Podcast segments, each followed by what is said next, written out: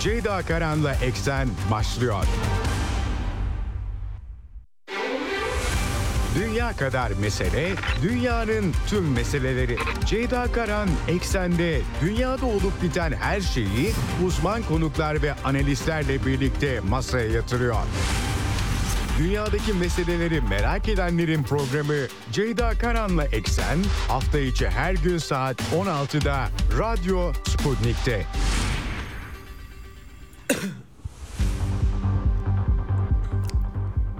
Eksenden merhabalar efendim. Bugün 9 Ekim 2023 günlerden pazartesi yeni bir haftaya başlıyoruz. Yeni bir haftaya pek de hayırlı bir gündemle başlayamıyoruz. Hafta sonu cumartesi günü 7 Ekim'de. Orta Doğu karıştı. Yeniden bir kez daha tam da Amerikan Ulusal Güvenlik Danışmanı Jake Sullivan'ın birkaç gün önce 29 Eylül Eylül sonunda yaptığı değerlendirme Orta Doğu ne kadar sakin, son 20 yılda hiç bu kadar sakin olmamıştı değerlendirmesi. İsrail'in de istihbaratının ve hükümet düzeyinde e, bir Hamas saldırısının ihtimal dahilinde olmadığı yolunda genel değerlendirmesi bulunuyor. Böyle bir dönemde Yom Kippur e, Savaşı'nın İsrail'de aynı zamanda önde gelen bir bayram 50. yıl dönümü ee, Mısır, Suriye gibi ülkelerin birleşerek İsrail'e o dönemde saldırısı sürpriz bir biçimde Hamas öncülüğündeki Filistinli gruplar sadece Hamas değil İslami Cihat ve solcu örgütlerinde bulunduğu belirtiliyor.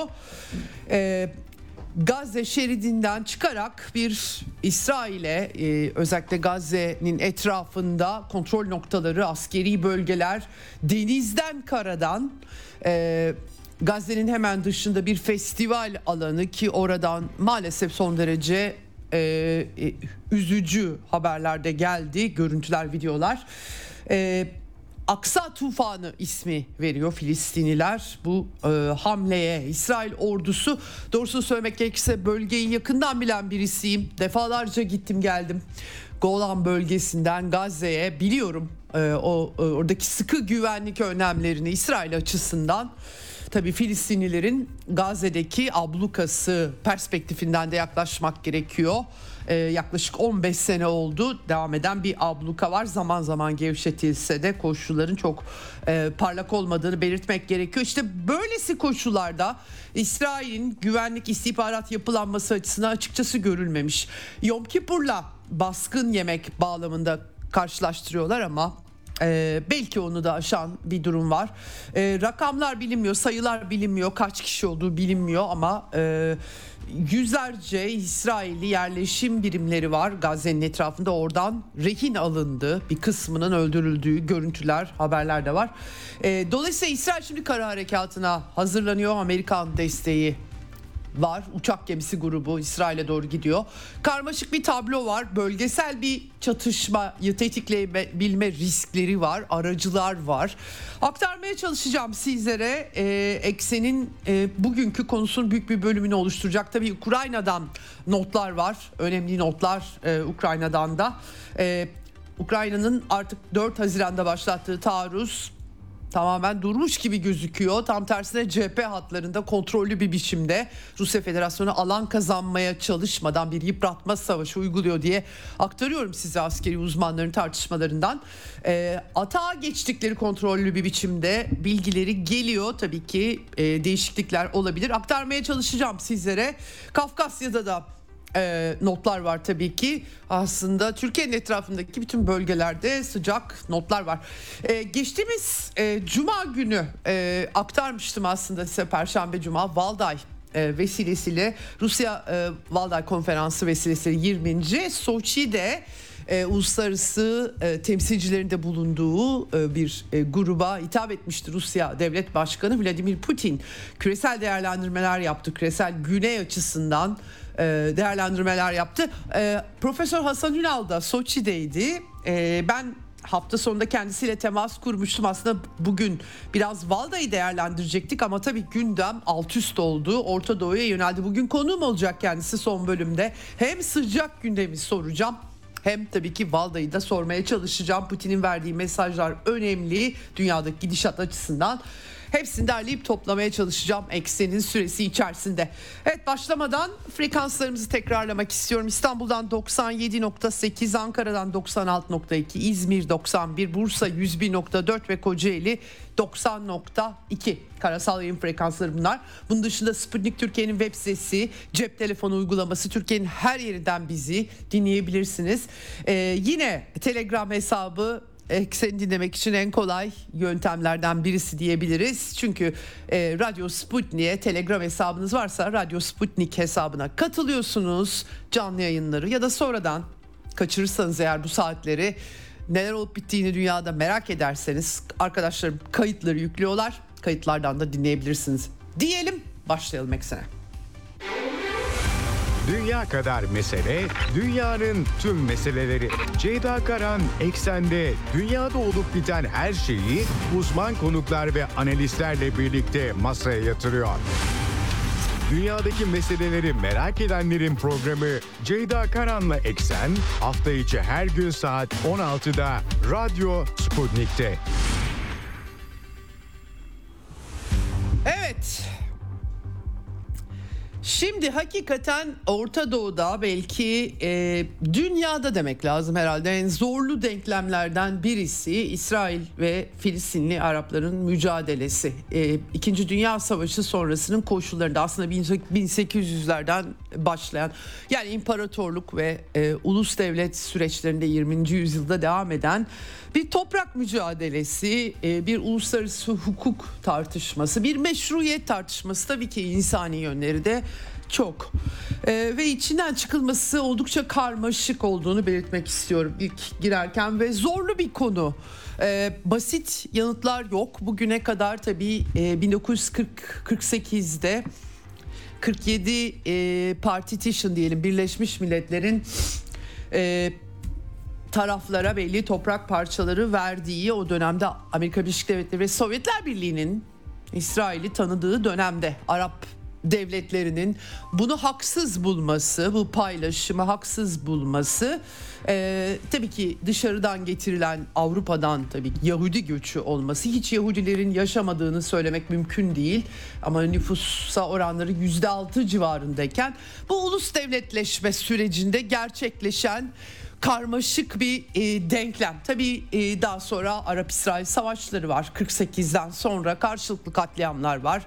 67 var. 67 sınırlarına dayalı iki devletli çözüm e, çabaları var. İsrail'in Araplarla Mısır ve Ürdün'le başlayan normalleşme süreci, Oslo anlaşmaları çok kapsamlı bir tarih. Ben dış habercilik yıllarımın büyük bir çoğunluğunu özel olarak bu meseleyle ilgilenerek geçirdim diyelim. Takip etmeye çalıştım. Bizzat sahada biliyorum iki tarafında bakış açısını, perspektifini.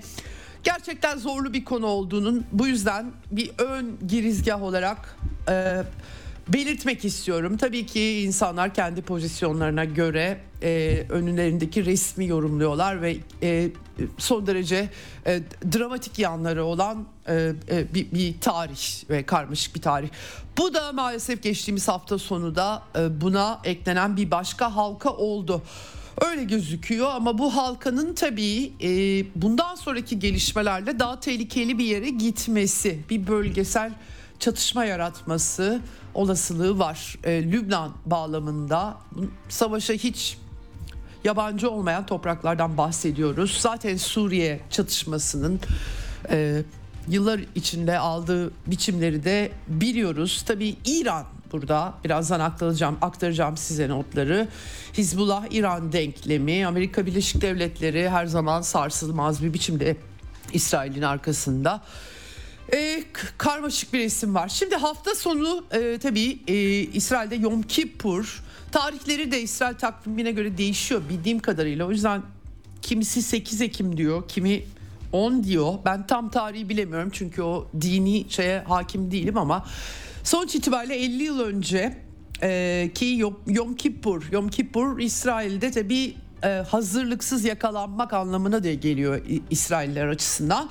E, ve öncesinde girişte söylediğim gibi Amerikan yönetiminin müthiş tespitleri, demokratlar özellikle dünyaya dair herhangi bir bölgeye dair herhangi bir tespit yaptıklarında e, artık yani benim deneyimlerim bana onu söylüyor yanılıyorlar. Hiçbir saptamaları doğru çıkmıyor. Hiçbir öngörüleri öngörüleri doğru çıkmıyor. Her şey ters tepiyor ve tabii bunun acısını da yani kendilerinden başka herkes çekiyor onu da belirtmek gerekiyor.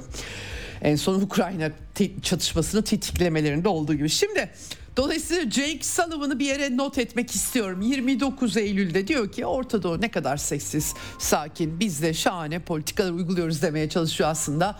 Ee, hatırlayalım e, İsrail'e Suudi Arabistan'ı normalleştirme. Aslında Trump'ın kotardığı İbrahim anlaşmaları, Abraham anlaşmaları yahut e, bunu e, tabii en önemli kilidi Suudi Arabistan ve Suudi Arabistan'ın da İran'la Çin'in arabuluculuğunda normalleşmesi var. Yani karmaşık bir e, aslında İsrail-Filistin gerilimin üstüne bir de karmaşık bir bölge denklemi ekleniyor. Bunun Kafkasya ucu var. Kafkasya ucunda tabii Azerbaycan üzerinden İsrail'in de destekleriyle Türkiye'nin yanı sıra Azerbaycan'ın e, Sovyetlerin çöküşü sonrası yitirdiği topraklarına kavuşması ama Zangezur koridoru suyu deniyor Ermenistan Ermeniler tarafından.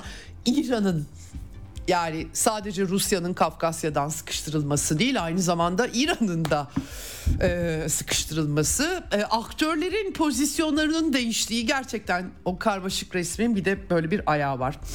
Böylesi koşullarda efendim Aksa tufanı operasyonu gündeme geldi. Benzeri görülmemiş. Ben e, o sınır bölgesinde çok iyi biliyorum. İsrail'den Gazze'ye giden yardımların e, geçtiği geçiş noktası Katar'ın Türkiye'nin İsrail'e işbirliği içerisinde tabii ki abluka 15 yıldır gerçekten Gazze'deki Filistinlerin hayatlarını çekilmez kılan bir abluka olduğunu bu ablukanın zaman zaman açıldığını zaman zaman çatışmalar çıktığını hatırlamak gerekiyor. Çok sayıda kayıp verdi Filistinliler bu süreçte. Bir sıkışmışlık var deniz ablukası ile birlikte bunun altını çizmek gerekiyor ama e, bugüne kadar açıkçası böylesi bir e, e, girişim hamle böyle bir saldırı hassasiyetle planlanmış bu görülmedi. E, ben Yom Kippur'un da öne, önünde olduğunu söylüyorum. 11 Eylül benzetmeleri tabii Amerikan mantığıyla yapılıyor ama yine İsrail tarihinden benzetmeler yeterli. Yom Kippur ve hatta onu aşıyor. Karadan denizden İsrail kontrol noktalarını ele geçirdikleri görüntüler Hamas bunları yayınladı. Klipler yayınladılar. Ee, güney hatlarında o sınır e, sınırda Gazze'nin sınırında e, e, İsrail'in yerleşim birimleri var. Ben vaktiyle onları da dolaşmıştım. Korunma düzeylerini de biliyorum. E, sınır tellerinin aşılması Eres sınır noktasına e, eş zamanlı biçimde e, bu paragliderlarla da in, inecek şekilde ve İsrail askerlerini rehin alıyorlar. Ee, gerçekten operasyon e, Filistinler adına çok e, başarılı bir operasyon demek gerekiyor. Tabii şok edici görüntüler var. Özellikle e, Gazze e, sınırında bir festival e, düzenlenmesi o e, o da enteresan bir müzik festivali demek gerekiyor. E, yanı başınızda abluka altında yaşayan insanlar varken işte dünyanın dört yanında böyle tekno şeyler düzenleniyor galiba. Gençler dans etmeye gidiyorlar. Şimdi orada tabii bu askeri noktalara saldırıyla sınırlı kalmıyor. Anladığım kadarıyla e, ki şimdi rehine müzakereleri devam ediyor. Silahsız dans eden gençler dünyadan da insanlar var. Uluslararası çapta tekno festival. E, burası da bir baskın düzenleniyor. Pek çok rehin alınıyor. Sayılarını bilmiyoruz e, ama e, bir kısmının görüntüleri de yayınlandı. Yalan bir takım videolar da ortaya atılıyor. Ancak ben de çok çarpıcı videolar izledim. Bir kısmının e, yanıldıklarım oldu düzeltmeye çalıştım e, vesaire bu e, şeyde avlanıyor insan gerçekten dikkat etmekte fayda var hepimiz adına e, en başta bizlerin sorumluluğu sorumluluğu tabii ki e, şimdi e, Böyle bir operasyon tabii bunun hazırlığı da öncesinde yapılmış. Bunun görüntüleri de yayınlandı. O da şaşırtıcı. Şu açıdan çünkü Gazze küçük bir bölge. Ee, işte yaklaşık işte 15 kilometreye işte e, atıyorum 50 kilometre öyle bir bölgeden bahsediyoruz. Tam e, rakama da bakarım e, yanlış söylemeyeyim ama aşağı yukarı böyle bir bölgeden bahsediyoruz. E, dolayısıyla İsrail'in e, özellikle İsrail istihbaratının kulağı açık e, yıllardır bununla da övünürler. Teknolojik bir ordu hep yani kuş uçurtmamakla övülen bir ordu. E, bu kadar e, gizli bir biçimde hiç haber sızmadan böyle bir hazırlıkların da yapılması ve İsrail'in bunun farkında bile olmaması hele de bölgedeki güvenlik önlemlerini bir parça bilenler için gerçekten e, tahayyül etmesi e, kolay değil. Buradan tabii komplo teorileri çıktı e, bilmek mümkün değil işin doğrusunu. Ben sadece kendi izlenimlerim, sahadaki gözlemlerim, sahadan bildiklerimden yola çıkarak şu kadarını söyleyeyim çok şaşırdım. Hatta şok geçirdim. E, yani şok oldum. E, e, çünkü e, ayrıca İsrail bir takım kaynaklar İsrail ordusunun neredeyse Gazze çevresinde yüzde 70-80 oranında olmadığını söylüyorlar. Tabii Yom Kippur'un etkisi var diyeceksiniz ama bu bu bir İsrail'in genel kendi durumu düşünüldüğü zaman çok acayip bir şey. Zaten bu tartışmalarda e, yapılıyor. Tabii şimdi e, 300 bin e, asker, yedek asker göreve çağrıldı. iki gündür tabii bu arada İsrail'de derhal Gazze'yi bombalamaya başladı. Gazze'den e, merkezden, şehir merkezinden çıkanların sayısı yüzde 120 e, bini aşmış gibi gözüküyor halı bombardımanı yapıyor İsrail. Çok ağır bir biçimde. Ee, İsrail'de yaklaşık 800 ila 1000 hatta daha fazla öldürülen siviller etraf ceset torbalarıyla dolu. Ee, Hamas e, ve Filistinli örgütlerin baskınında çok sayıda sivil kayıp var. Ee, Tel Aviv'in banyolarına kadar bu çatışmalar sadece Gazze'nin etrafı değil e, füzeler eşliğinde sıçradı. İsrail'in de intikamı e, çok daha tabii ki İsrail ordusunun gücü de e, düşünüldüğü zaman çok daha ağır oldu gibi gözüküyor. Şimdi Lübnan sınırına ağır silahlar gönderildi. E, Gazze'ye kara harekatı vurguları var. 300 bin yedek asker çağrıldı. Tabii bunun karşılığında Hizbullah eğer Gazze'ye kara harekatı olursa biz de başlarız gireriz savaşa diyor. E, hala İsrailli siviller Hamas'ın elinde rehin tutuluyor. Onlar ne olacak? Çok sayıda soru var ortada. E, Pentagon yetkilileri Amerikan basınına salı günü bugün ya da bu gece bilmiyorum ya da salı sabahı kara harekatının başlayacağına inandıklarını söylüyorlar. İran yanlısı e, gruplar, çeşitli gruplar, Irak dahil olmak üzere onlar da Amerikan hedefleri bizim için meşru hedef diyorlar. E, Netanyahu savaştan bahsediyor. E, İsrail Savunma Bakanı Yoav Galant e, elektriklerini kesmişlerdi Gazze'nin ilk refleks olarak. E, elektrik, yiyecek ve yakıt tamamen abluka, full abluka Gazze. E, hatta Yoav Galant'ın İbranice hayvan, insansı hayvanlarla savaşıyoruz. İngilizcesinde barbarlar ifadesi kullanılmış. E, böyle bir e, ifadesi var. Ambulanslar, evler. E, tabi Batı dünyası bunları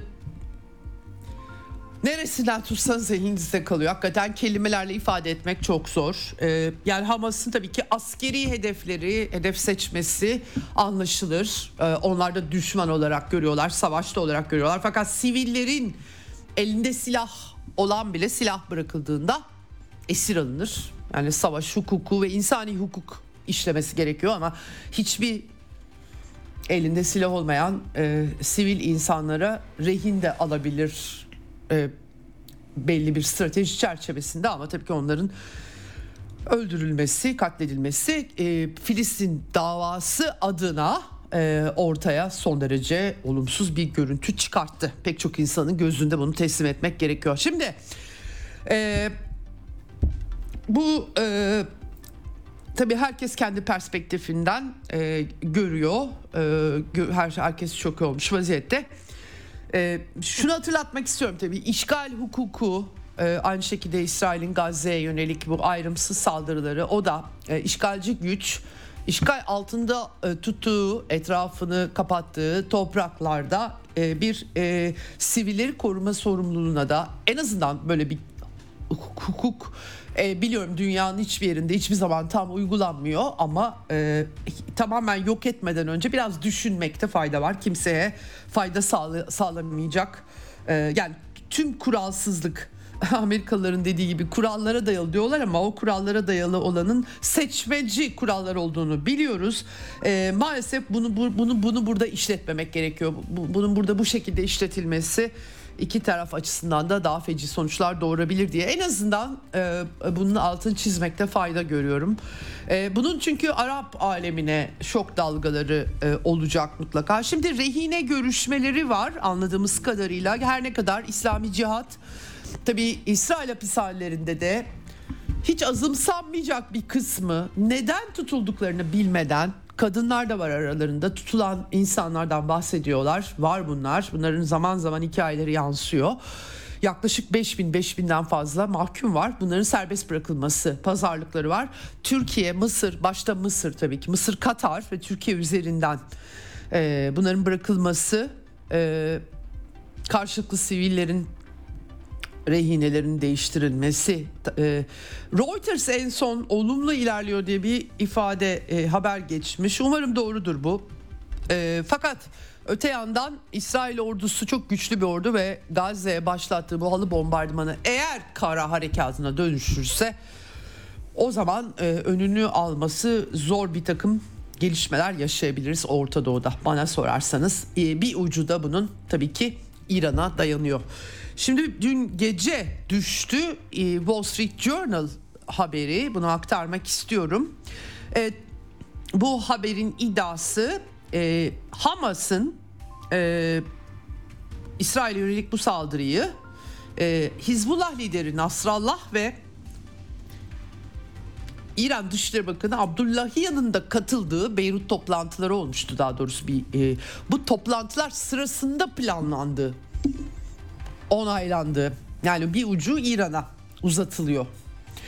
E, açıkçası tabii ki İran'ın Hamas'la, Hizbullah'la dirsek teması e, net herkesin bildiği bir şey ama yani bu kadar yetkili düzeyinde kaynak da Hamas ve Hizbullah kaynakları deniliyor. Yani Hamaslılar tabii ki Suriye çatışmasında tamamen Amerikan projesinin parçası olmuşlardı. Onlar onların kanadından pek çok şey söyleyen, uyduran, uydurmayan olabilir ama benim bildiğim şu e, e, Şii örgüt Hizbullah'ta katiyetle Batı medyasına konuşmak yasak dolayısıyla Wall Street Journal'ın atıf yaptığı Hizbullah kaynakları kimler ben bir e, kestirmekte zorlanıyorum. E, tabii bu arada e, İran kaynakları da dalga geçiyorlar bu durumla. İsrail ordusunun gözünün önünde hazırlıkları yapılan bir e, operasyonu bile fark etmediği şimdi nasıl olup da böyle şeyleri öğrenip e, Wall Street Journal Amerikalıların öğrenip de sunduğu şeklinde. Ya için içine dediğim gibi Nasrallah ve Abdullah Yan'ı karıştırmasalar diyeceğim ki hani bir dirsek teması mutlaka planlamada bir şey olacak ama çok tuhaf İran Dışişleri Bakanı'nın böyle bir planlamaya o kadar e, yani İranlılar da bu işleri çok iyi bilen e, profesyonel e, diplomasi anlamında e, insanlar dolayısıyla açıkçası biraz neokonların e, ortam hazırlama ya da mesaj verme haberi gibi geldi bana. Bu benim okumam ne kadar e, doğru okuduğumu bilmiyorum zamanda böyle şeylerde ancak zaman da gösterecek desem de yanıltma operasyonları üst üste geliyor. Artık hakikaten bu işin içinden çıkmak mümkün değil. Anthony Blinken CNN'e Amerikan Dışişleri Bakanı İran'ın İsrail'e saldırı emri verdiğine dair kanıt görmediklerini söylemesini bir işaret olarak almak gerekiyor herhalde. E, dün e, yapmış bu açıklamayı. Dolayısıyla belki bu işin tırmanması ve bölgesel çatışmaya dönmesinden geri dönülebilir mi? Nasıl olacak? Tabii o da ayrı bir şey çünkü hakikaten e, İsrail e, ordusu ve güvenliği istihbaratı çok büyük bir darbe aldı. Yani diyorum size gerçekten ben gözlerime inanamadım. Çok şaşırdım. Hatta yani doğal olarak aklım komplolara gitti. E, böyle bir şeyi 40 yıl düşünsem aklıma gelmezdi. Bu kadar e, 200-300 Hamas'ının e, ya da Filistinli'nin aynı anda eş zamanlı bir biçimde kontrol noktalarını şak diye ele geçirdiği e, acayip bir operasyon. E, yani İsrail ordusunun kağıttan kaplan e, görüntüsü verdi. Dolayısıyla e, adi kimileri bunu içeriden yapılan bir komplo olarak, kimi İsrailler dile getiriyorlar bunu, gazeteciler dahil ama o da çok acayip. Hiçbir ülkenin istihbaratı kendisini bu kadar zayıf gösterecek bir işe onay vermez diye düşünüyorum. Netanyahu yönetiminin son dönemde çok büyük sıkıntıları vardı. İsrail'deki e, liberal kamuoyuyla, kimi devlet tırnak içerisinde aklıyla, e, İsrail askerleri yedekleri bile e, Netanyahu hükümetini aşırı sağcı bir hükümet protesto ettiler. Hatta aşırı sağcı hatta faşist de diyebiliriz. Faşist unsurları da var çünkü içlerinde ırkçı unsurları var Filistinli Araplara yönelik. Dolayısıyla hassas bir durumu vardı İsrail'in bir zayıflama hali vardı ama e, bu kadarı yani ordu ve güvenlik bakımından ve istihbarat bakımından gerçekten e, çok çok şaşırtıcı. Dolayısıyla pek çok analiz yapılmaya çalışılıyor e, ama e, herkes tam olarak çözmekte zorlanıyor. E, hakikaten çünkü e, aslında iki sene önceydi yanılmıyorsam. E, yine his, e, e, şeyden Gazze'den füzeler İsrail'e demir kubbe e, bir dönem çok övülüyordu ama çok fazla sayıda füze fırlatıp demir kubbeyi aşıp İsrail kent merkezlerinde işte araçlar, otoparklar, e, bu arada içeride bir takım uyan hücreler de var. İsrail kentlerinde hakikaten apartman blokları, e, binalar her yer zarar gördü. E, e, İsrail kentleri daha önce de benzer bir şey yaşamıştı ama bu sefer tabii ki daha farklı oldu. Daha yüksek sayıda Dolayısıyla çok büyük bir zafiyet durumu var. Şimdi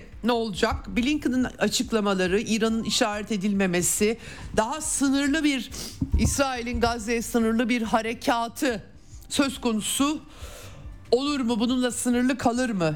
Hizbullah buradan müdahale eder mi? Cumartesi, pazar sabahı Hizbullah'ın bir takım füzeler, havan topları ateş açtığı e, bilgileri vardı açıklama eşliğinde ama Lübnan'dan ateş açılmadığı yolunda yine sonradan haberlerde geldi. Belki dizginleme girişimleridir. Şimdi Amerikan uçak gemisi Gerald e, Ford uçak gemisi grubu gidiyor.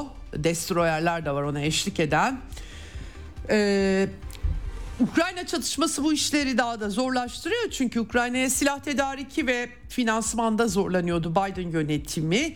Hatta ve hatta Güney Kore'nin yanı sıra İsrail'deki silah depolarından da Ukrayna'ya silah sağlandığı söyleniyordu. O tartışmalar da var. Birazdan devam edeceğim aktarmaya size. Çerçeve e, e, bu şekilde ama bir parça kulağımızın pasını temizleyelim. Bir müzik arası verelim. Hemen ardından burada olacağız. Müzik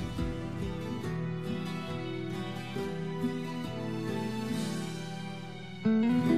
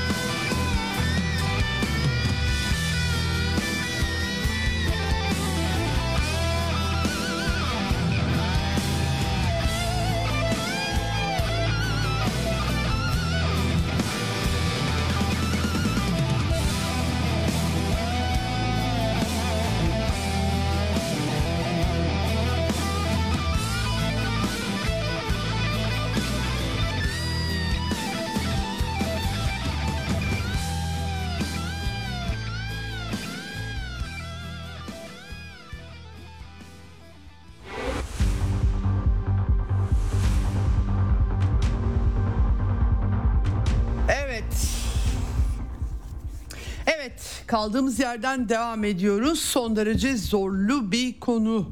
Bu haftaya Orta Doğu'da e, yeni savaş işaretleri böyle gözüküyor umarım tümüyle e, bir şekilde e, çözülecek bir sürece evrilir. Fakat şu an için tabii İsrail tarafından intikam yeminleri ve hayata geçiriliyor Gazze dediğim gibi halı bombardımanı altında 120 binden fazla sivil kaçmak durumunda kaldı. Netanyahu terk edin açıkça gidin açıklaması yaptı. Nereye gidecekler tabii böyle bir sorun var.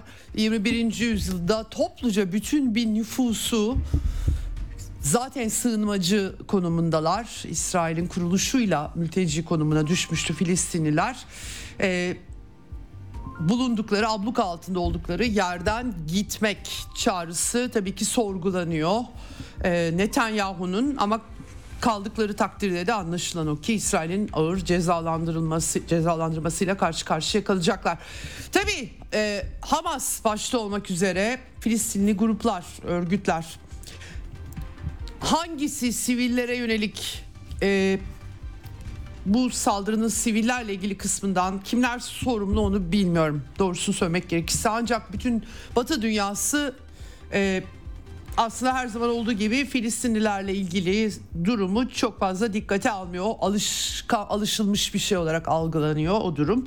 Ee, diğer ise e, sivillerin e, özellikle Gazze'nin e, hemen dışında İsrail'in güney hattındaki parti e, Teknoparti'deki sivillerin kaçırılması ile ilgili görüntüler herkesi çok etmiş durumda ve terörist saldırı olarak şimdi tabii sivillere yönelik silahsız sivillere yönelik rehin almayı da aşan bu olayların e, meşrulaştırması mümkün değil. Bunu Filistinli yetkililer de Batı medyasına konuşmalarında dile getirdiler. Bu, bütün bunlar tabii dönüp dolaşıp yine Filistinli sivillerin başına patlıyor kabak diyebiliriz rahatlıkla. En son Avrupa Birliği komşuluk genişleme politikasından sorumlu Olivier Varhelyi açıklama yapmış bu konuda. Ee, İsrail ve halkın yönelik terör ve vahşetin boyutu bir dönüm noktasıdır diyor. Ee, her zamanki gibi işler yürümez diyor. En büyük bağışçısı Filistinlilerin Avrupa Komisyonu 691 milyon euro değerinde kalkınma portföyü var. Bunları gözden geçiriyoruz. Derhal askıya aldık tüm ödemeleri diyorlar. Aslında bu tabii ki Filistinli sivillerin cezalandırılmasına Avrupa Birliği'nde katıldığı anlamına geliyor. Bunu belirtmek gerekiyor. Ya da e, bir 75 yıllık bir e, çözülmemiş sorun nedeniyle oluşmuş bir silahlı direnişin eyleminin faturasının bütün oradaki çoluk çocuk kadın e, sivillere çıkartılması bunun anlamı bu açıkçası. E, yeni bütçe teklifleri falan hepsini e, askıya almış durumdalar. Tabii e, Filistin tarafı da İsrail'in bu kadar zayıf yakalanması ordu ve istihbaratının e, bu, buradan yola çıkarak e, dikkatli hazırlıklar yaptıklarını ve durmayacaklarını söylüyorlar. Bu daha başlangıç diyorlar. Filistin yönetimi daha çok Batı Şeria'da etkili Gazze'de Hamas ve Hamas'ın oluşmasında da tabii ki Batı'nın ve İsrail'in desteği de var. Bu defalarca yazıldı çizildi Batı medyasında da camilerde fonlar vesaire bir şekilde e, seküler laik Filistin yönetiminin etkisiz kılınması bu süreçte. Ya ben şu kadarı söyleyeyim 1998'de e, ilk e, Eriha'da Arafat'la görüşen gazeteci grubunda ben de vardım. Arafat'ı tanıma şansına nail oldum genç bir gazeteciyken. Ondan sonraki süreçte de Filistin, e, laik Filistin e, yönetimi Oslo anlaşmalarının uygulanamaması güvenlik sebebiyle tabii ki Filistin mücadelesini, mücadelesini bambaşka bir yere getirdi. Suriye Savaşı bambaşka boyutlar kazandı. Suriye Savaşı'nda Filistin grubunu yani e, Filistin ihvanının solcu Filistinli gruplara karşı savaştığını ve Suriye'ye karşı savaştığında gördük hep beraber. Oldukça karmaşık sonradan pişman duydular. Pişman oldular, pişmanlık duydular. Nedamet getirdiler. İran'la ilişkileri bozulmuştu filan. Ama Filistin davası nedeniyle bu işler yoluna sokuldu. Karmaşık diyorum ya her parçası karmaşık aslında. Ee, çıkış yolunun da çok gözükmediği bir dosya. Tabii Filistin içerisinde uğraşma uğraşanlar var bu konuda. Mustafa Barguti bir dönem E, çoğunuz hatırlamayacaksınız ben yakından takip ettiğim için bir dönem Arafat'a genç kuşaktan Arafat'a rakip Arafat ölmeden bile başlamıştı gösterilen bir isimdi Mustafa Barguti uzun yıllar e, Netanyahu'nun da politikaları sayesinde İsrail hapishanelerinde kendisi kaldı. Sonra çıktı. Şimdi e, Filistin ben uzun süredir çok dikkatle bakmıyordum e, açıkçası Filistin içi siyasete. Ulusal inisiyatifi kurulmuş. Filistin Ulusal İnisiyatifi Mustafa Barguti de bu inisiyatiften e, bu vesileyle e, Ferit Zekeriya'ya Batı medyasına seslenme şansı edinmiş. Kendisini işte Filistin yönetiminin temsilcisi olarak sunuyor. Ferit Zekeriya da e, benim gibi takip etmemiş herhalde son geldiği noktayı. Bunu düzeltiyor Filistin Ulusal İnisiyatifinden olduğunu. Hamas'la bağlantısı yok tabii ki. FK, e, Filistin e, e, El Fethi ile de bağlantısı yok. Tabii orada e, apartheid e, e, yöntemlerine Filistin halkının direnmeye çalıştığını söylüyor. Etnik temizlikten bahsediyor, kutsal yerlere saldırılardan bahsediyor, uluslararası hukuktan bahsediyor, direnişten bahsediyor.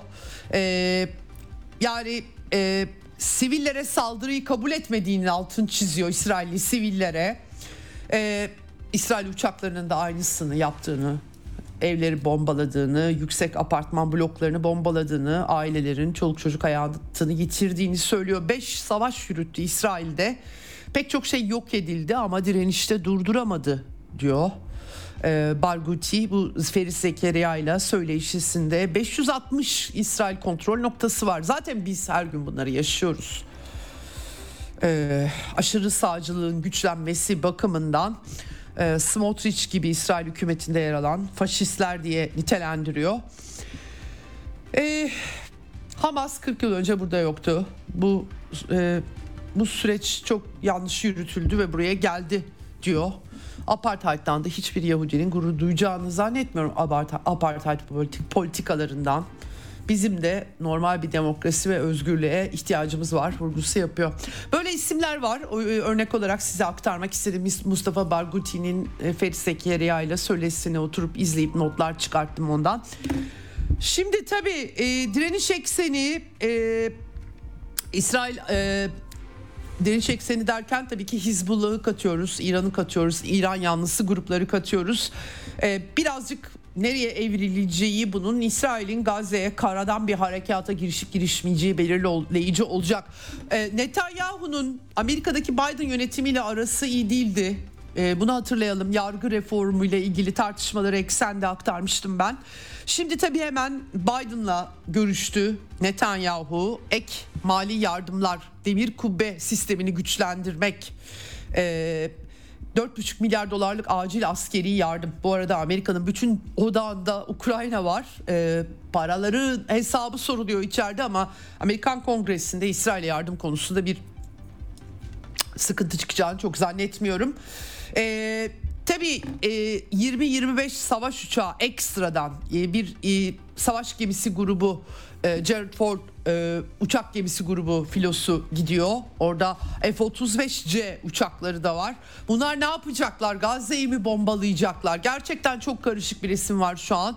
Birileri sanki bunu engeller diye insan düşünüyor. İran'ı şimdilik ayrı tutuyor e, Amerikan yönetimi. Böyle gözüküyor. Doğrudan İran'ı işaret etmemeye gayret gösteriyorlar. Özellikle Wall Street Journal'ın dün akşamki haberi daha şahinlerin fısıldamasıyla olmuş gibime geliyor benim. Ee, İran Dışişleri Bakanı Ağustos ayında aslında mecburen 6 milyar dolarlık İran'ın e, varlıkları Güney Kore'den Katar'a aktarılmıştı. İran'a iade edildi. Bunun fırsat bilindiği, Ağustos'ta planlandığı, düğmeye basanların arkasında İran olduğu, İsrail ve İran'ın ve Amerika'nın İran'la kapışması hatta nükleer silah kullanımından bile bahseden çılgınlar var. Her zaman olduğu gibi maalesef. Wall Street Journal'da buna iyi bir malzeme vermiş gözüküyor. Tabii ki bunun Kafkasya ile bağlantısından da bahsediyorlar. İran'ın Hamas üzerinden Kafkasya'da sıkıştırılmaya Azerbaycan'ın İsrail ilişkisine yanıt verdiği böyle değerlendirmeler de var. Aktarıyorum size gerçekten bilmiyorum. Ee, operasyonun Hamas tarafından nasıl yapıldığına dair arka arkaya dosyalar var ama bunların hangisi ne kadar doğru emin olmak çok zor. Ee, aslında Hamas'ın kandırıkçılık yaptığı, İsrail'e çatışmak istemediklerini ilettikleri e, pek çok Hamas liderinin haberi olmadığı nasıl sızmaz böyle bir şey nasıl istihbar, istihbarat haber almaz gerçekten çünkü en övündükleri şey e, her yerde kulaklarının olması İsrail istihbaratının dolayısıyla şu an yani İran niçin böyle bir eylemle e, doğrudan onay verip planlamasına katılarak Suudi Arabistan'la ilişkiler düzgünken işte İsrail'le normalleşme önünü, önünü kesmek deniyor. Bu bir e, akla yatkın bir e, resim sunuyor gibi gözükse de buna itiraz edenler de doğrusu var.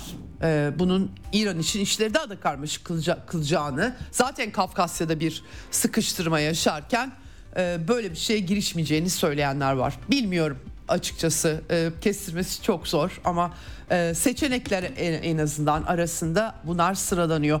Arap dünyası tabii ki Arap yönetimleri bu işin bir an önce halledilmesi vurgusu eşliğinde Filistinlilerin sorunlarını vurguladılar. Çünkü kendi toplumlarında Filistin meselesi e, hala odak noktası. Yönetimler belki Arap ülkelerinin yönetimleri değil ama nüfuslarının zorladığı bir gündem olduğunu belirtmek lazım. Kendi aralarında temaslar e, oldu. Ürdün Kralı, Mısır Cumhurbaşkanı, Irak Başbakanı Gazze'deki gelişmeleri görüştüler. E, bu üç gün bugün üçüncü günü artık. E, Rusya'nın açıklamaları var. Hemen tabii arkasında Rusya var gibi Ukrayna yüzünden. Hakikaten çok acayip iddialar, komplo teorileri ortaya atılıyor. İşte Ukrayna'daki baskıyı azaltmak, Ukrayna cephesinde Rusya'nın zorda kaldığını söylemek pek mümkün değil. Tam tersi bir durum. Amerikan kongresindeki tartışmalara bakmak bile Ukrayna cephesinde kimin zorda olduğunu aslında ortaya koyuyor. Ee, e, ama tabii ki bu e, çeşitli komplo, komplo teorilerini etkilemiyor. Hemen e, bir de Ukrayna menşeli silahlar Hamas Ukrayna'dan aldık dedi. Silah tacirleri mi? Kim aktardı onu bilmiyorum ama benim bildiğim geçtiğimiz Haziran ayında Netanyahu İsrail Başbakanı bizzat çıkıp Ukrayna'ya verilen silahları bizim sınırlarımızda görüyoruz diye bir açıklama yapması. İsrail Başbakanı bizatihi söyledi. E, bu açıklamayı yaptı. Biraz İsrail'in ben e, bir takım yardımlar yaptığı görüşünde olduğu yani öyle bir e, istihbarat bilgileri yansımıştı ama resmi olarak e, silah yardımı yapmayı reddetmiş durumda e, Kiev'deki e, faşist banderacılara. ideolojik olarak da karma karışık bir resim var gerçekten her şey sapsaman her şey birbirine karıştı. Kremlin'den açıklama geldi. E, dün de pek çok Maria Zaharova e, Dışişleri Sözcüsü açıklama yaptı. Kremlin Sözcüsü büyük endişeyle izlediklerini söyledi. E, en kısa sürede barış yola şiddet sarmalı, durdurulmalı, büyük tehlike e, dedi. İsrail'deki Rus diplomatik e, diplomatik misyonunun çalıştığını söyledi. E, tabii Ukrayna çatışması başlayınca barış arayışıyla İsrail'e gidenler vardı Rusya'dan Onlar ben bir ara aktarmıştım haberi size IDF'ye zorunlu e, askerlik yedek askerlik mekanizması işliyor. Bir şekilde zorundalar yani. Hani Rusya ordusundan kaçarken İsrail ordusuna yakalanmak tırnak içinde Ruslar açısından söylüyorum liberal Ruslar açısından söylüyorum Rusya vatandaşları. Ee, diplomatik misyonlar çalışıyor. Tabii Filistin topraklarında da birkaç bin Rusya vatandaşı varmış. Onunla ilgili çalışmalarında devam ettiğini aktardı. E, Amerika'nın bölgeye filo göndermesi diyor Dimitri Peskov e, çatışmaya üçüncü tarafları çekme riski taşıyor diyor. Yani bu e, iyi sonuçlar vermez mesajı anlamına e, geliyor. Kiev'e kim e, e, Kiev'in silahlarının Hamas'a gitmesi iddialarını ona da soruyorlar ve İsrail istihbaratı bunu gayet de iyi tespit eder altyapısı var diyor. Yani böyle komplo teorilerine gerek olmadığını söylüyor. Gerçi bütün bu olaylar olup bitenlerden sonra İsrail istihbaratının etkinliği konusunda büyük soru işaretleri doğduğunu belirtmek gerekiyor. Ee, Rusya diplomasisi tabii e, Mısır Dışişleri Bakanı ile Lavrov görüşmüş. Bugün de Arap Birliği Genel Sekreteri Ahmet Ebu e, Geit'i ağırlıyor. Bu vesileyle e, aslında Filistin sorununun neden bu zamana kadar çözülmediğine dair özel dikkat göstermek gerektiğini söyledi Rusya Dışişleri Bakanı. BM kararları var ortada dedi. Barışçı çözüm gerekiyor. Mevcut statikonun kesinlikle sürdürülemez olduğu vurgusu var. Ee, Ebu Gayt e, Arap Birliği Genel Sekreteri ise bütün olanlar aynı şiddet düzeyinde olmasa bile Filistin sorununu çözmeye yönelik herhangi bir siyasi beklenti veya girişimin olmaması nedeniyle sürecektir diyor. Çok gerçekçi bir değerlendirme yapmış benim şahsi kanaatim. E, Arap Birliği Genel Sekreteri bu bağlamda.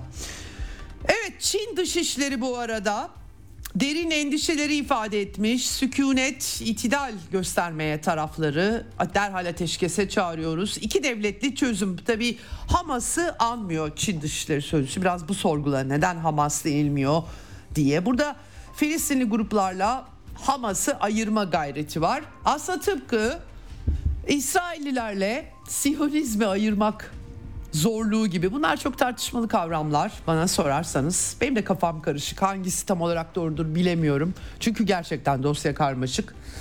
Ee, benzer bir şey bana sorarsanız. Ee, Blinken e, Araplarla e, temaslarda bulunmuş Arap liderlikleriyle.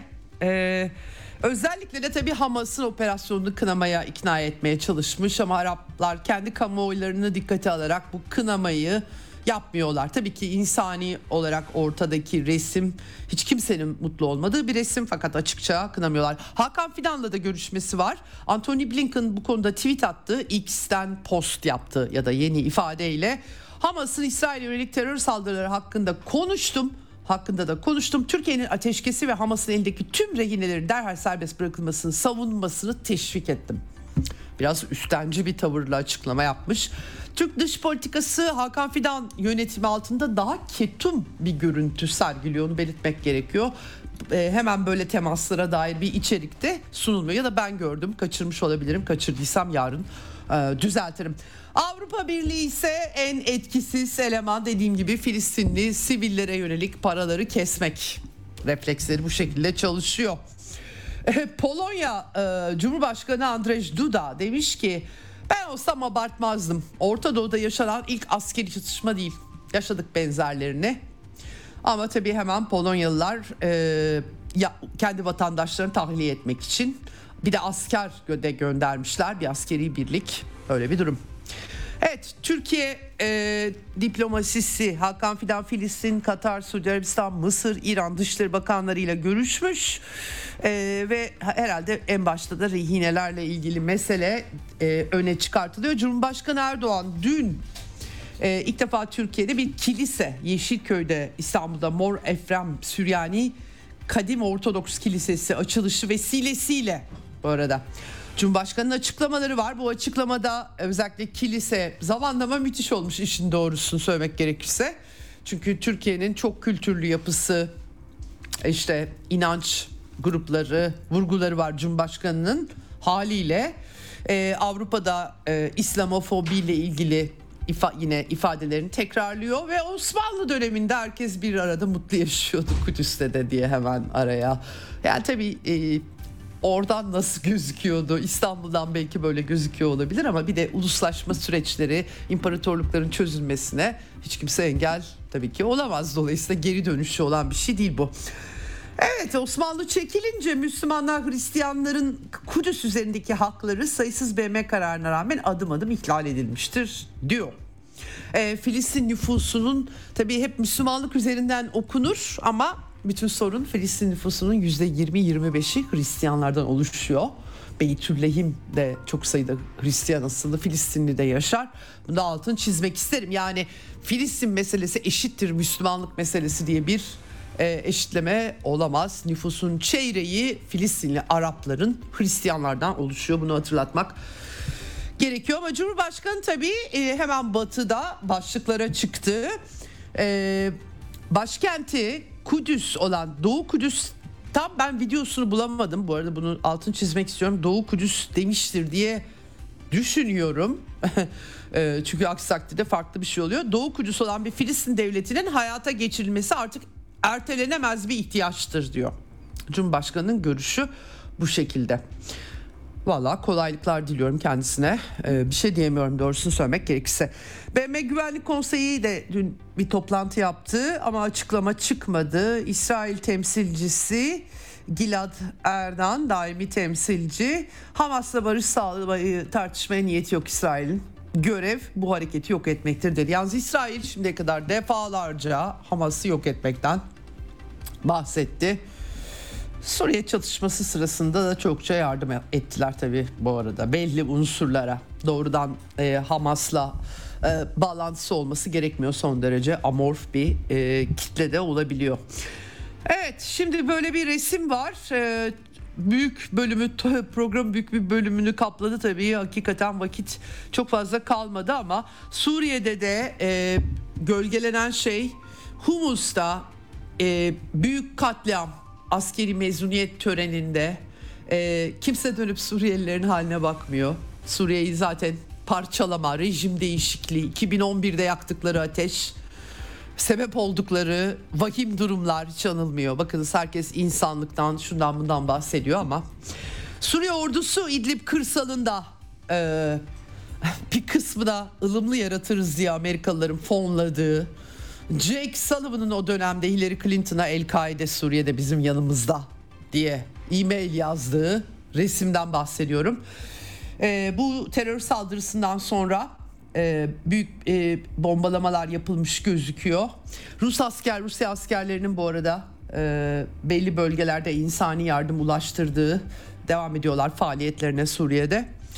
E, Türkiye'nin Suriye'de bir takım hedefleri YPG, PYD, PKK diye anıyor. Türk e, Türk Savunma Bakanlığı açıklama yaptı bu konuda. Petrol tesisleri ki enerji kesintilerine yol açtığı söyleniyor. Evet, e, Savunma Bakanlığı açıklaması var. E, Amerika Birleşik Devletleri'nde bir Türk e, İHA'sı düşürdüğü haberi e, e, yansımıştı. E, geçtiğimiz hafta sonu aslında bu konularda yerli yerinde duruyor e, demek gerekiyor. E, fakat e, bir ara vereceğiz. Kısa bir tanıtım olacak ve hemen ardından konuğumla bağlantımız var. Bizden ayrılmayın. Ceyda Karan'la Eksen devam edecek.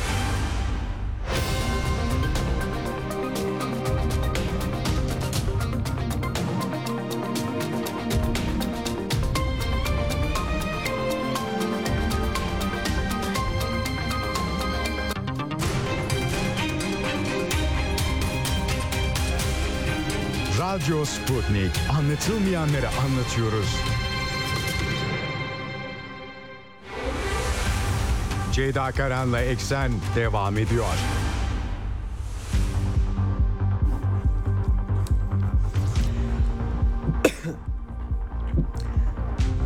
Evet. Şimdi Eksen'in son bölümüne geçiyoruz. Konum telefon hattında Profesör Hasan Ünal. Hocam hoş geldiniz yayınımıza.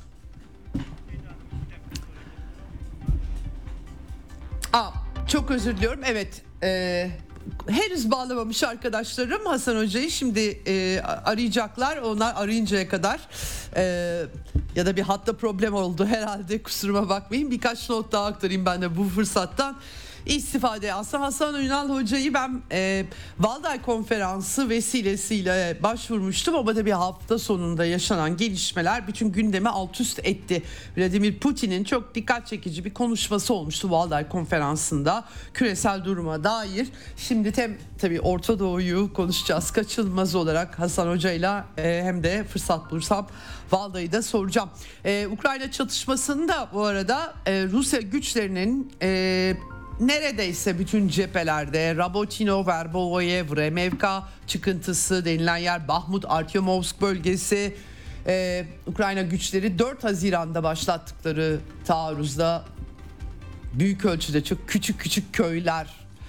Onlarda da hep gri bölge çoğu başarısız olduktan sonra Rusya güçlerinin e, saldırı halinde oldukları kontrollü bir biçimde alan kazanmayı hedeflemeyen bir e, takım hareketler olduğu bilgileri geliyor. Baskıyı arttırdıkları e, hakikaten e, bu arada çok acayip e, ama e, şöyle kıyaslamalar var. Hamas'ın bu planlı Gazze'de Gazze'den kalkıştı operasyon bir anda 13 yerleşim birimini bir de hem de İsrail ordusu gibi son derece teknolojik sınırdan kuş uçmaz denilen yerde bir anda 13 yerleşimi birden ele geçirmeleri ve 30 kilometreden fazla bir alana nüfuz etmesi. Eğer Ukrayna ordusu batıdan aldığı tanklar, toplar, tüfeklerle Hamas gibi bir şey yapabilmiş olsaydı şimdiye Kırım'a ulaşmıştı ama tabii ki böyle bir şey olmadı. İşte 480 bin nüfuslu küçük köylerin kuzey bölümlerini almak dışında hiçbir başarı kaydedemediler 4 taarruz, e, Haziran taarruzundan bu yana. O yüzden de Batı'da tabii ki kaşların kalkmasına e, sebebiyet e, vermiş durumdalar. Dolayısıyla böyle eleştiriler e, var. Yani Hamas'ın yaptığı bu kadar NATO ordusu oluşturduk. Toplama bir NATO ordusu kurduk. Amerika'dan, İsveç'ten, Fransa'dan, Britanya'dan dört bir yandan Ukraynalıların kullanmayı bilemedikleri İngilizce öğrenmek F-16 uçurmak için İngilizce öğreniyorlar da böyle acayip bir resim var.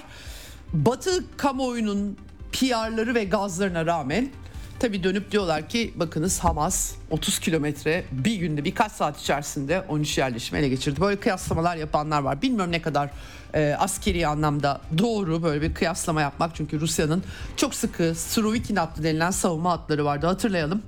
E, hafta sonu bu arada Kırım'a S-200'lerle bir saldırı girişimi durdurulmuş havada imha edilmiş. Ukrayna ordusunun bir de Kremenchuk hidroelektrik santraline mayın döşediği yolunda iddialar var. Rusya kaynakları Kahovka Barajı 4 Haziran taarruzu öncesi hemen baraj patlatılmıştı. Bütün ekoloji alt üst edildi. Onu da Rusya patlattı dediler Ukrayna tarafı. Yalnız tabii sıkıntı şu ki Rusya hatları sular altında kalacak şekilde neden patlatsın sorusu gündeme taşındı. Şimdi bir başka Kahovka senaryosu mu planlanıyor bu e, Kremenchuk hidroelektrik santrali e, Svetlovodsk e, Kirovograd bölgesinde dolayısıyla bir, burada bir rezervuar var Dinyeper e, e, hattında ee, oralarda böyle bir şey olabilir mi bilmiyoruz. Zaporojye nükleer santraline Ukrayna saldırıları olmuştu. Yüreğimizi hoplatacak şekilde Avrupa'nın en büyük nükleer santrali.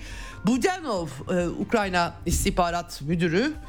E, üç kez girişimde bulunduk almak için ama başaramadık diye söylemiş. Biz hiç böyle bir şey yapmıyoruz diyorlardı. Enteresan yani. Ee, hakikaten ve Ukrayna konulu 20 Ekim'de İstanbul'da bir toplantı yapılacağı iddiaları var. La Repubblica gazetesine yansıdı. Bu olabilecek mi? Bütün dikkatler Orta Doğu'ya çevrilmişken bunları da e, göreceğiz. Amerikan yönetimi bu arada 100 milyar e, dolarlık bir Ukrayna'ya yardım paketi hazırlıyor çıkacak mı kongreden bu tartışmalar var. Evet ben şimdi Hasan Hocam'a dönüyorum. Hocam hoş geldiniz yayınımıza.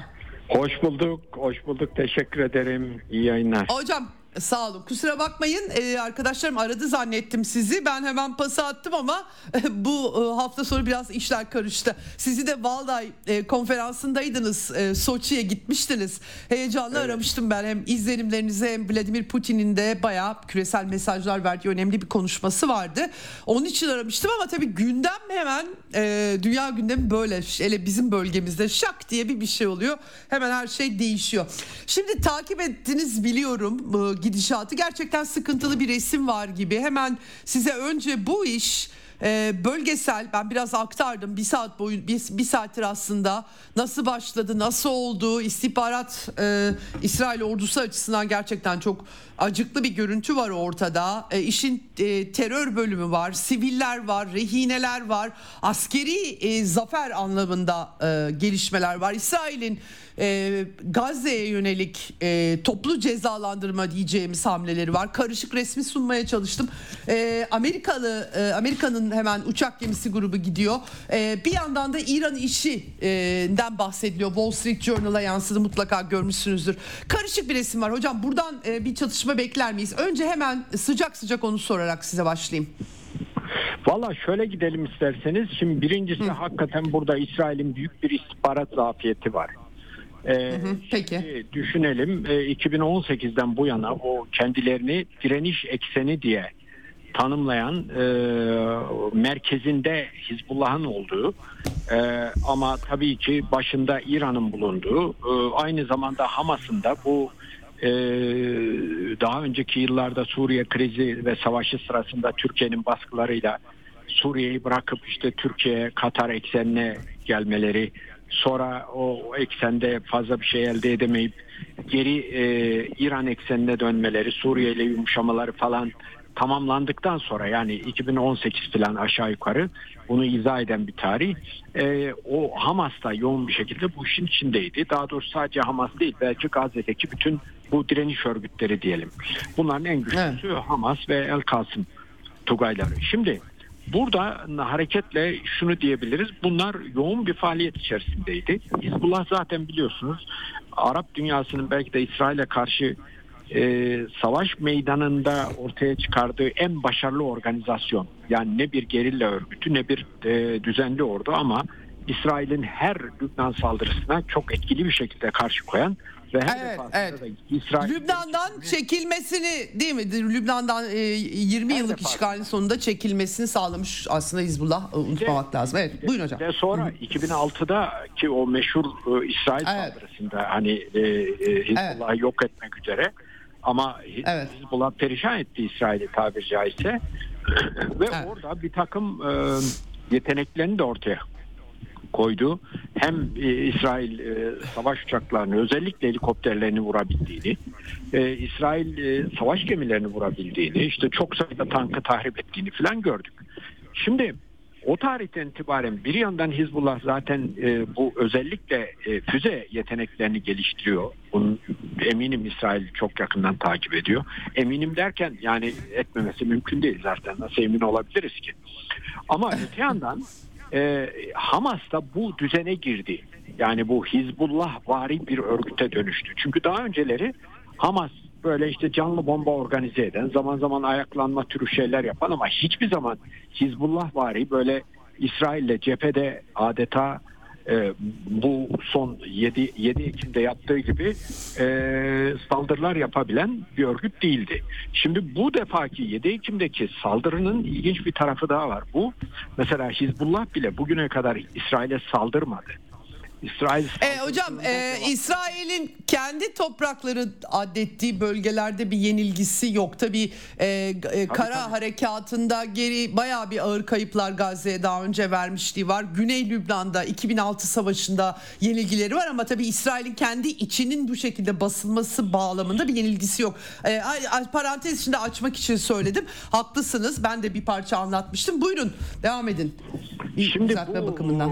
Yom Kippur Savaşı İsrail'in belki de en zorlandığı ve ilk defa galiba bu evet. defa yok edecekler beni denize dökecekler diye korktuğu 1973 Arap-İsrail Savaşı ki orada Mısır ve Suriye e, ilk defa evet. diyelim e, senkronize bir atakla İsrail'e 1967'de kaybettikleri bütün toprakları bir iki günde geri almayı başardılar. Olağanüstü bir başarıydı. Orada bile evet. Yom Kippur'da o da enteresan. O da 7 Ekim'de olmuştu. 1973 evet. yıl dönümü. 7 evet. Evet onun yıl dönümü ve 50. yıl dönümü. Şimdi orada bile İsrail bir günde e, 1317 falan kayıp verdi galiba. Toplam 3 haftalık savaşta toplam kaybı 2600'lerde.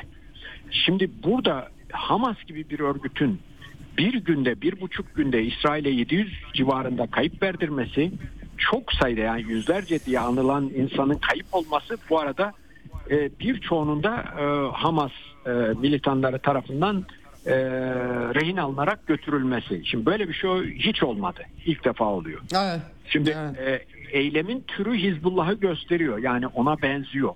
Demek ki son 3-4 yıldır bayağı ciddi bir e, yetenek geliştirmiş Hamas. Şimdi buradaki soru şu sizin isabetle vurguladığınız konu yani burada nasıl olur da bu kadar bu çabaları İsrail görmemiş olabilir. Bu birkaç şeyle izah edilebilir bilmiyoruz. Bunu istihbaratçılar daha iyi anlar. Hani biz fanilerin bileceği bir alan değil. Ama e, benim görüşüm şu kendine çok güvenen devletler bu tür hatalar yaparlar. E, yani e, bir de karşı taraflar unutmamak lazım ki İsrail'in istihbarat yeteneklerinden işte ne bileyim demir kubbenin nasıl çalıştığına bilmem sınırdaki İsrail güvenlik güçlerinin e, ne tür belki güvenlik zaafları olduğuna kadar birçok şeyi yakından takip ediyor onlar da birbirlerine karşı. Hmm. Dolayısıyla e, anlaşılan e, Hamas e, ev ödevini çok iyi yapmış. Şimdi evet. 2006'daki bu Hizbullah İsrail savaşında bütün bölgeyi takip eden e, e, insanlar şunu demişti. Demişti ki kardeşim acaba mesela e, Hizbullah gibi bir Hamas ortaya çıkarsa ve biri kuzeyden biri güneyden İsrail'i füze yağmuruna tutacak olursa bu şekilde savaşırlarsa bu İsrail'in başı çok ağrır bu işten diye. Şimdi dolayısıyla bunun şimdi buradaki şey şu. Birincisi İsrail'e bu kadar ağır zayiat verdiğinizde de sorun şu. İsrail'deki hiçbir hükümet bu işi sineye çekemez. Yani evet. Onlar da evet. Gazze'ye bir hareket harekat yapmalılar. Şimdiki tamam Gazze'yi e, tepeden bombalayabilirsiniz, füzelerle vurabilirsiniz. Bunu düzenli yapıyoruz. E, hani düzenli iyi Hocam değil, Netanyahu en son en son yanıtımız Hamas'a yanıtımız Orta Doğu'yu değiştirecek diye bir ifade kullanmış. Çok tehlikeli bir ifade değil mi? Konuşuyor. Nasıl Şimdi anlamak lazım? Şey Bundan dedi. ne anlamak lazım? Çünkü gerçekten bölgesel bir savaş riski var gibi gözüküyor. Bilmiyorum ne kadar e, Amerika'nın tutumu herhalde etkili olacak ama yani ne demek olabilir bu Hamas'a yanıtımız Orta Doğu'yu değiştirecek? Şu olabilir. Yani onlar e, şimdi e, daha ilk günün ilk saatlerinde Netanyahu'nun açıklamalarının birinin içinde tam şu vardı. Bu işin başında İran var bütün bu işleri başımıza açan İran ve İran'a bunu çok ağır bir şekilde ödeteceğiz diyordu. Şimdi bu doğru olabilir. Yani İran bu örgütlere destek verdiğini zaten inkar da etmiyor. Ve en son hmm. bildiğim bu direniş ekseni içindeki örgütler ve İran İsrail'in 25 yıl içinde yok edileceğini falan söylediler. Yaptıkları hmm. açıklamalarda demek ki bayağı bir çalışma yapıyorlar yani az bu bir şey değil. Şimdi buradan hareketle acaba İran'ın üzerine mi gidecekler? Şöyle de olabilir. E, şimdi eğer İsrail a, Hamas'a karşı Gazze'ye çok kapsamlı bir kara harekat yaparsa ki bu çok büyük bir zayiata da sebep olur İsrail açısından. Karşı taraflar açısından da büyük zayiat demektir ama karşı taraflar her zaman zayiat vermeyi göze alarak geliyorlar. İsrail kamuoyu büyük bir zayiatı göze alamaz. 1973'te de öyle olmuştu. Şimdi zaten 2006 e, Hizbullah-İsrail savaşında da aynı şey olmuştu. Zayiat arttıkça İsrail hükümetleri çekinir bu durumdan. Şimdi öte yandan bu kadar zayiatı da ilk anda verdiğine göre bir şey yapması lazım Hamas'ta. Dolayısıyla burada bir tıkanmışlık var yani sonuç üretme açısından. Şimdi onlar eğer büyük bir kara harekatı yaparlarsa bu sefer acaba ikinci soru şu. Hizbullah kuzeyden İsrail'e saldırır mı? Aslında Evet hocam saldırırız diyorlar. Yani böyle bir açıklamada yapıldı. Yani eğer Gazze kara harekatı olursa bize savaşa gireriz diye bir açıklama geldi. Ee, geldiyse, e, dolayısıyla o zaman şöyle bir durumdayız. geldiyse şöyle bir durumdayız. Demek ki İran bunu onayladı.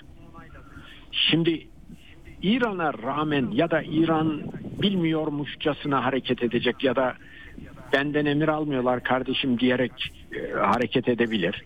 Ama herkes bunda İran'ın onayı olduğunu kabul edecek. Ama e, hocam şimdi Lübnan Lübnan Hizbullah biraz daha bağımsız geliyor bana. E, geçmişteki savaşlar tabii ki bağlantıları var ama yani karakter olarak söylüyorum ben direkt e, İran'ın otomatik düğmeye basa, basmasıyla siyaset uyguladıklarını söylemek zor ya da aksine işaret edecek olgular. Çok hani burada e, büyük bir e, savaş riski Lübnan'ı da işin içine sokacak. Biz hatta Suriye'yi Türkiye'de ilgilendiren sonuçları var Rusya'da ilgilendiren sonuçları var.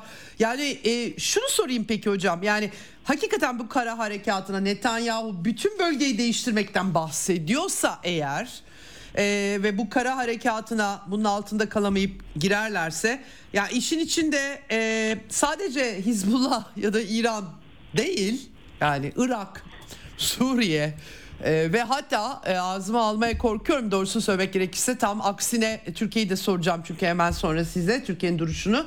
Ee, belki Türkiye'yi bile çekebilecek riskler barındıran bir e, çatışma e, e, şeyi çıkmaz mı? Riski çıkmaz mı ortaya? Ne dersiniz? Olasılık Bunu belki ama. Şimdilik bir defa Türkiye ihtimali hemen hemen e, hı, hı.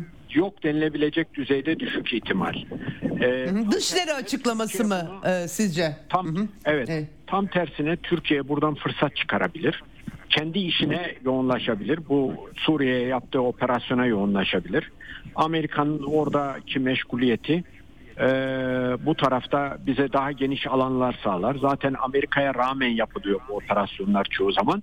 Burada elimiz serbestleşir diye düşünüyorum. Ama Amerika'nın bölgeye bu denli geliyor olması da hoş bir şey değil. Ee, hmm. Ama bu beraberinde şunu da getirir. Eğer Amerika bu denli bu bölgeye tekrardan gelecekse ki çünkü bu bölgedeki gücünü azaltma eğilimindeydi biliyorsunuz Biden yönetimi falan bu yönde adımlar da atıyorlardı. Çünkü Çin'e doğru yöneleceklerdi vesaire. Bir defa Ukrayna Savaşı'nı kabul ettik e, Ukrayna Savaşı'nda yenilgiyi kabul ettiklerinin resmi ortaya çıkar. Belki de hmm. bu buraları da bahane ederek Ukrayna'yı satışa getirebilirler. Çünkü Ukrayna'da bir şey yapamayacaklarını da görüyorlar ama bir yandan da Ukrayna'ya işte yeniden yardım için şu kadar milyar dolar o artık bir e, yolsuzluk hikayesine döndü o yardım. Çünkü o yardımların ne kadar Ukrayna'ya gidiyor Belki de hiçbirisi gitmiyor. İşte Amerikan silah şirketlerinin kasasına gidiyor sonuçta. O silah şirketlerinde evet. beslediği kurum kuruluşlar ve insanların ceplerine gidiyor.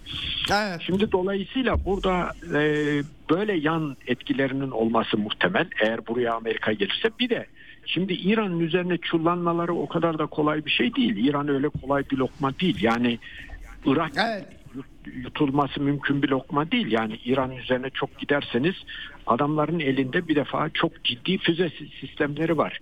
İsrail'in her evet. noktasını vurabilecek durumdalar ve İsrail'in nükleer Körfez. tesisleri evet. de vurabilecek durumdalar. Evet. Bu yani Körfez'deki kontrol, petrol hattı ve İran petrolleri pek çok şey geliyor aklıma. Bunu da göze alabilirler mi yani? Soru biraz öyle bir şey aslında. Göze almamaları lazım ama Netanyahu'nun eğer hmm. yani çok kapsamlı bir şeyler yaparak Netanyahu kamuoyuna kendisini yeniden kabul ettirebilecek hale getiremezse durumu e, Netanyahu'nun siyasi sonu demek.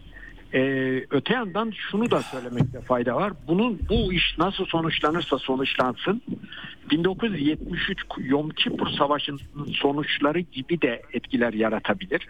Şöyle İsrail 1973 o savaştaki ilk günlerde Arap ordularının gösterdiği olağanüstü başarıdan o kadar korkmuş ve çekinmişti ki o tarihe kadar Amerika bile ya işte şunu artık bir barış bir şey görüşelim şöyle yapalım filan dediğinde ya aman canım bu Arapların nesiyle görüşeceğiz bunlar askeri olarak sıfır hiçbir şey yapamazlar ciddiye almaya bile gerek yok diyordu. Ama 73'te şunu gördüler yani hiç belli olmaz yani Arap tarafı iyi koordinasyon, iyi senkronizasyon, profesyonel bir şekilde hareketle İsrail'i yok edebilir korkusu ortaya çıktı. Şimdi İsrail'in elinde hmm. nükleer silah falan var ama hani şimdi kalkıp da nükleer silah mı kullanacaksınız? Bütün Filistinleri mi yok edeceksiniz?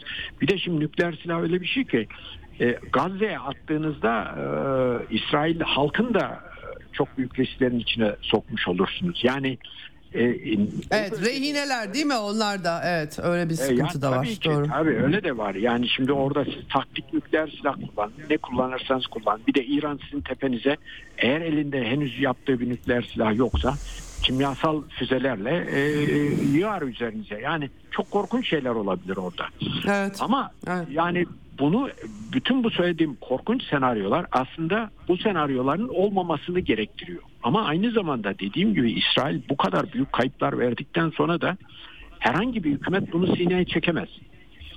Dolayısıyla ne olacağını hakikaten bekleyip göreceğiz. Yani evet. çok çok zor bir senaryo. Evet.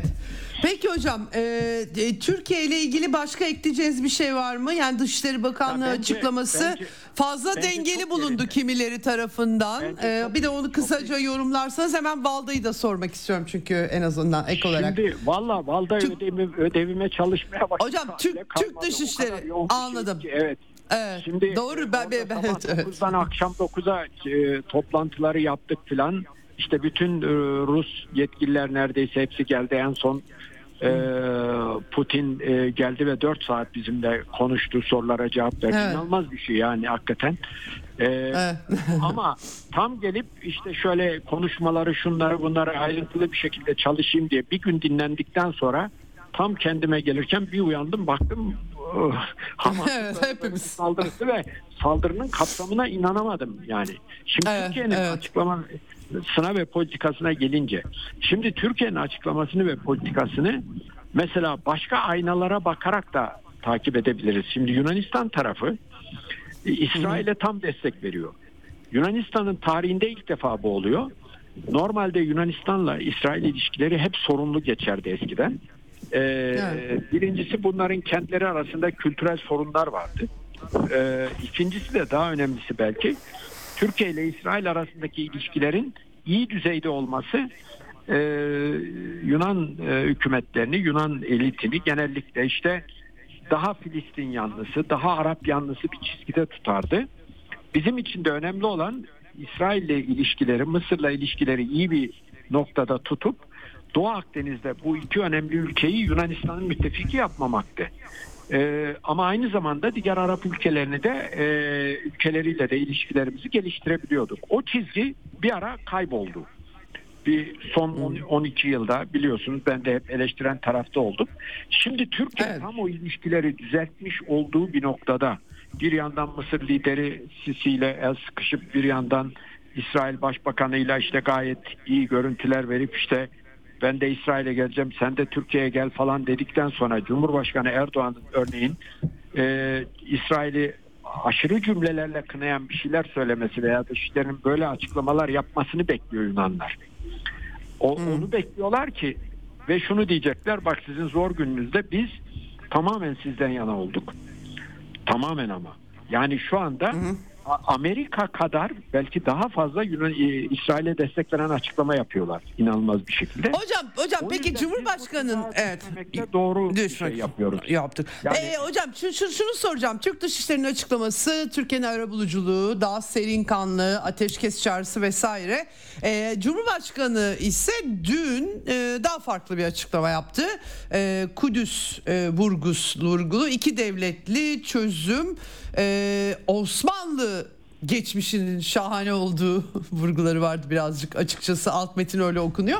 Ee, bu ikisinin yani Cumhurbaşkanı daha çok iç kamuoyuna yönelik mi konuştu acaba?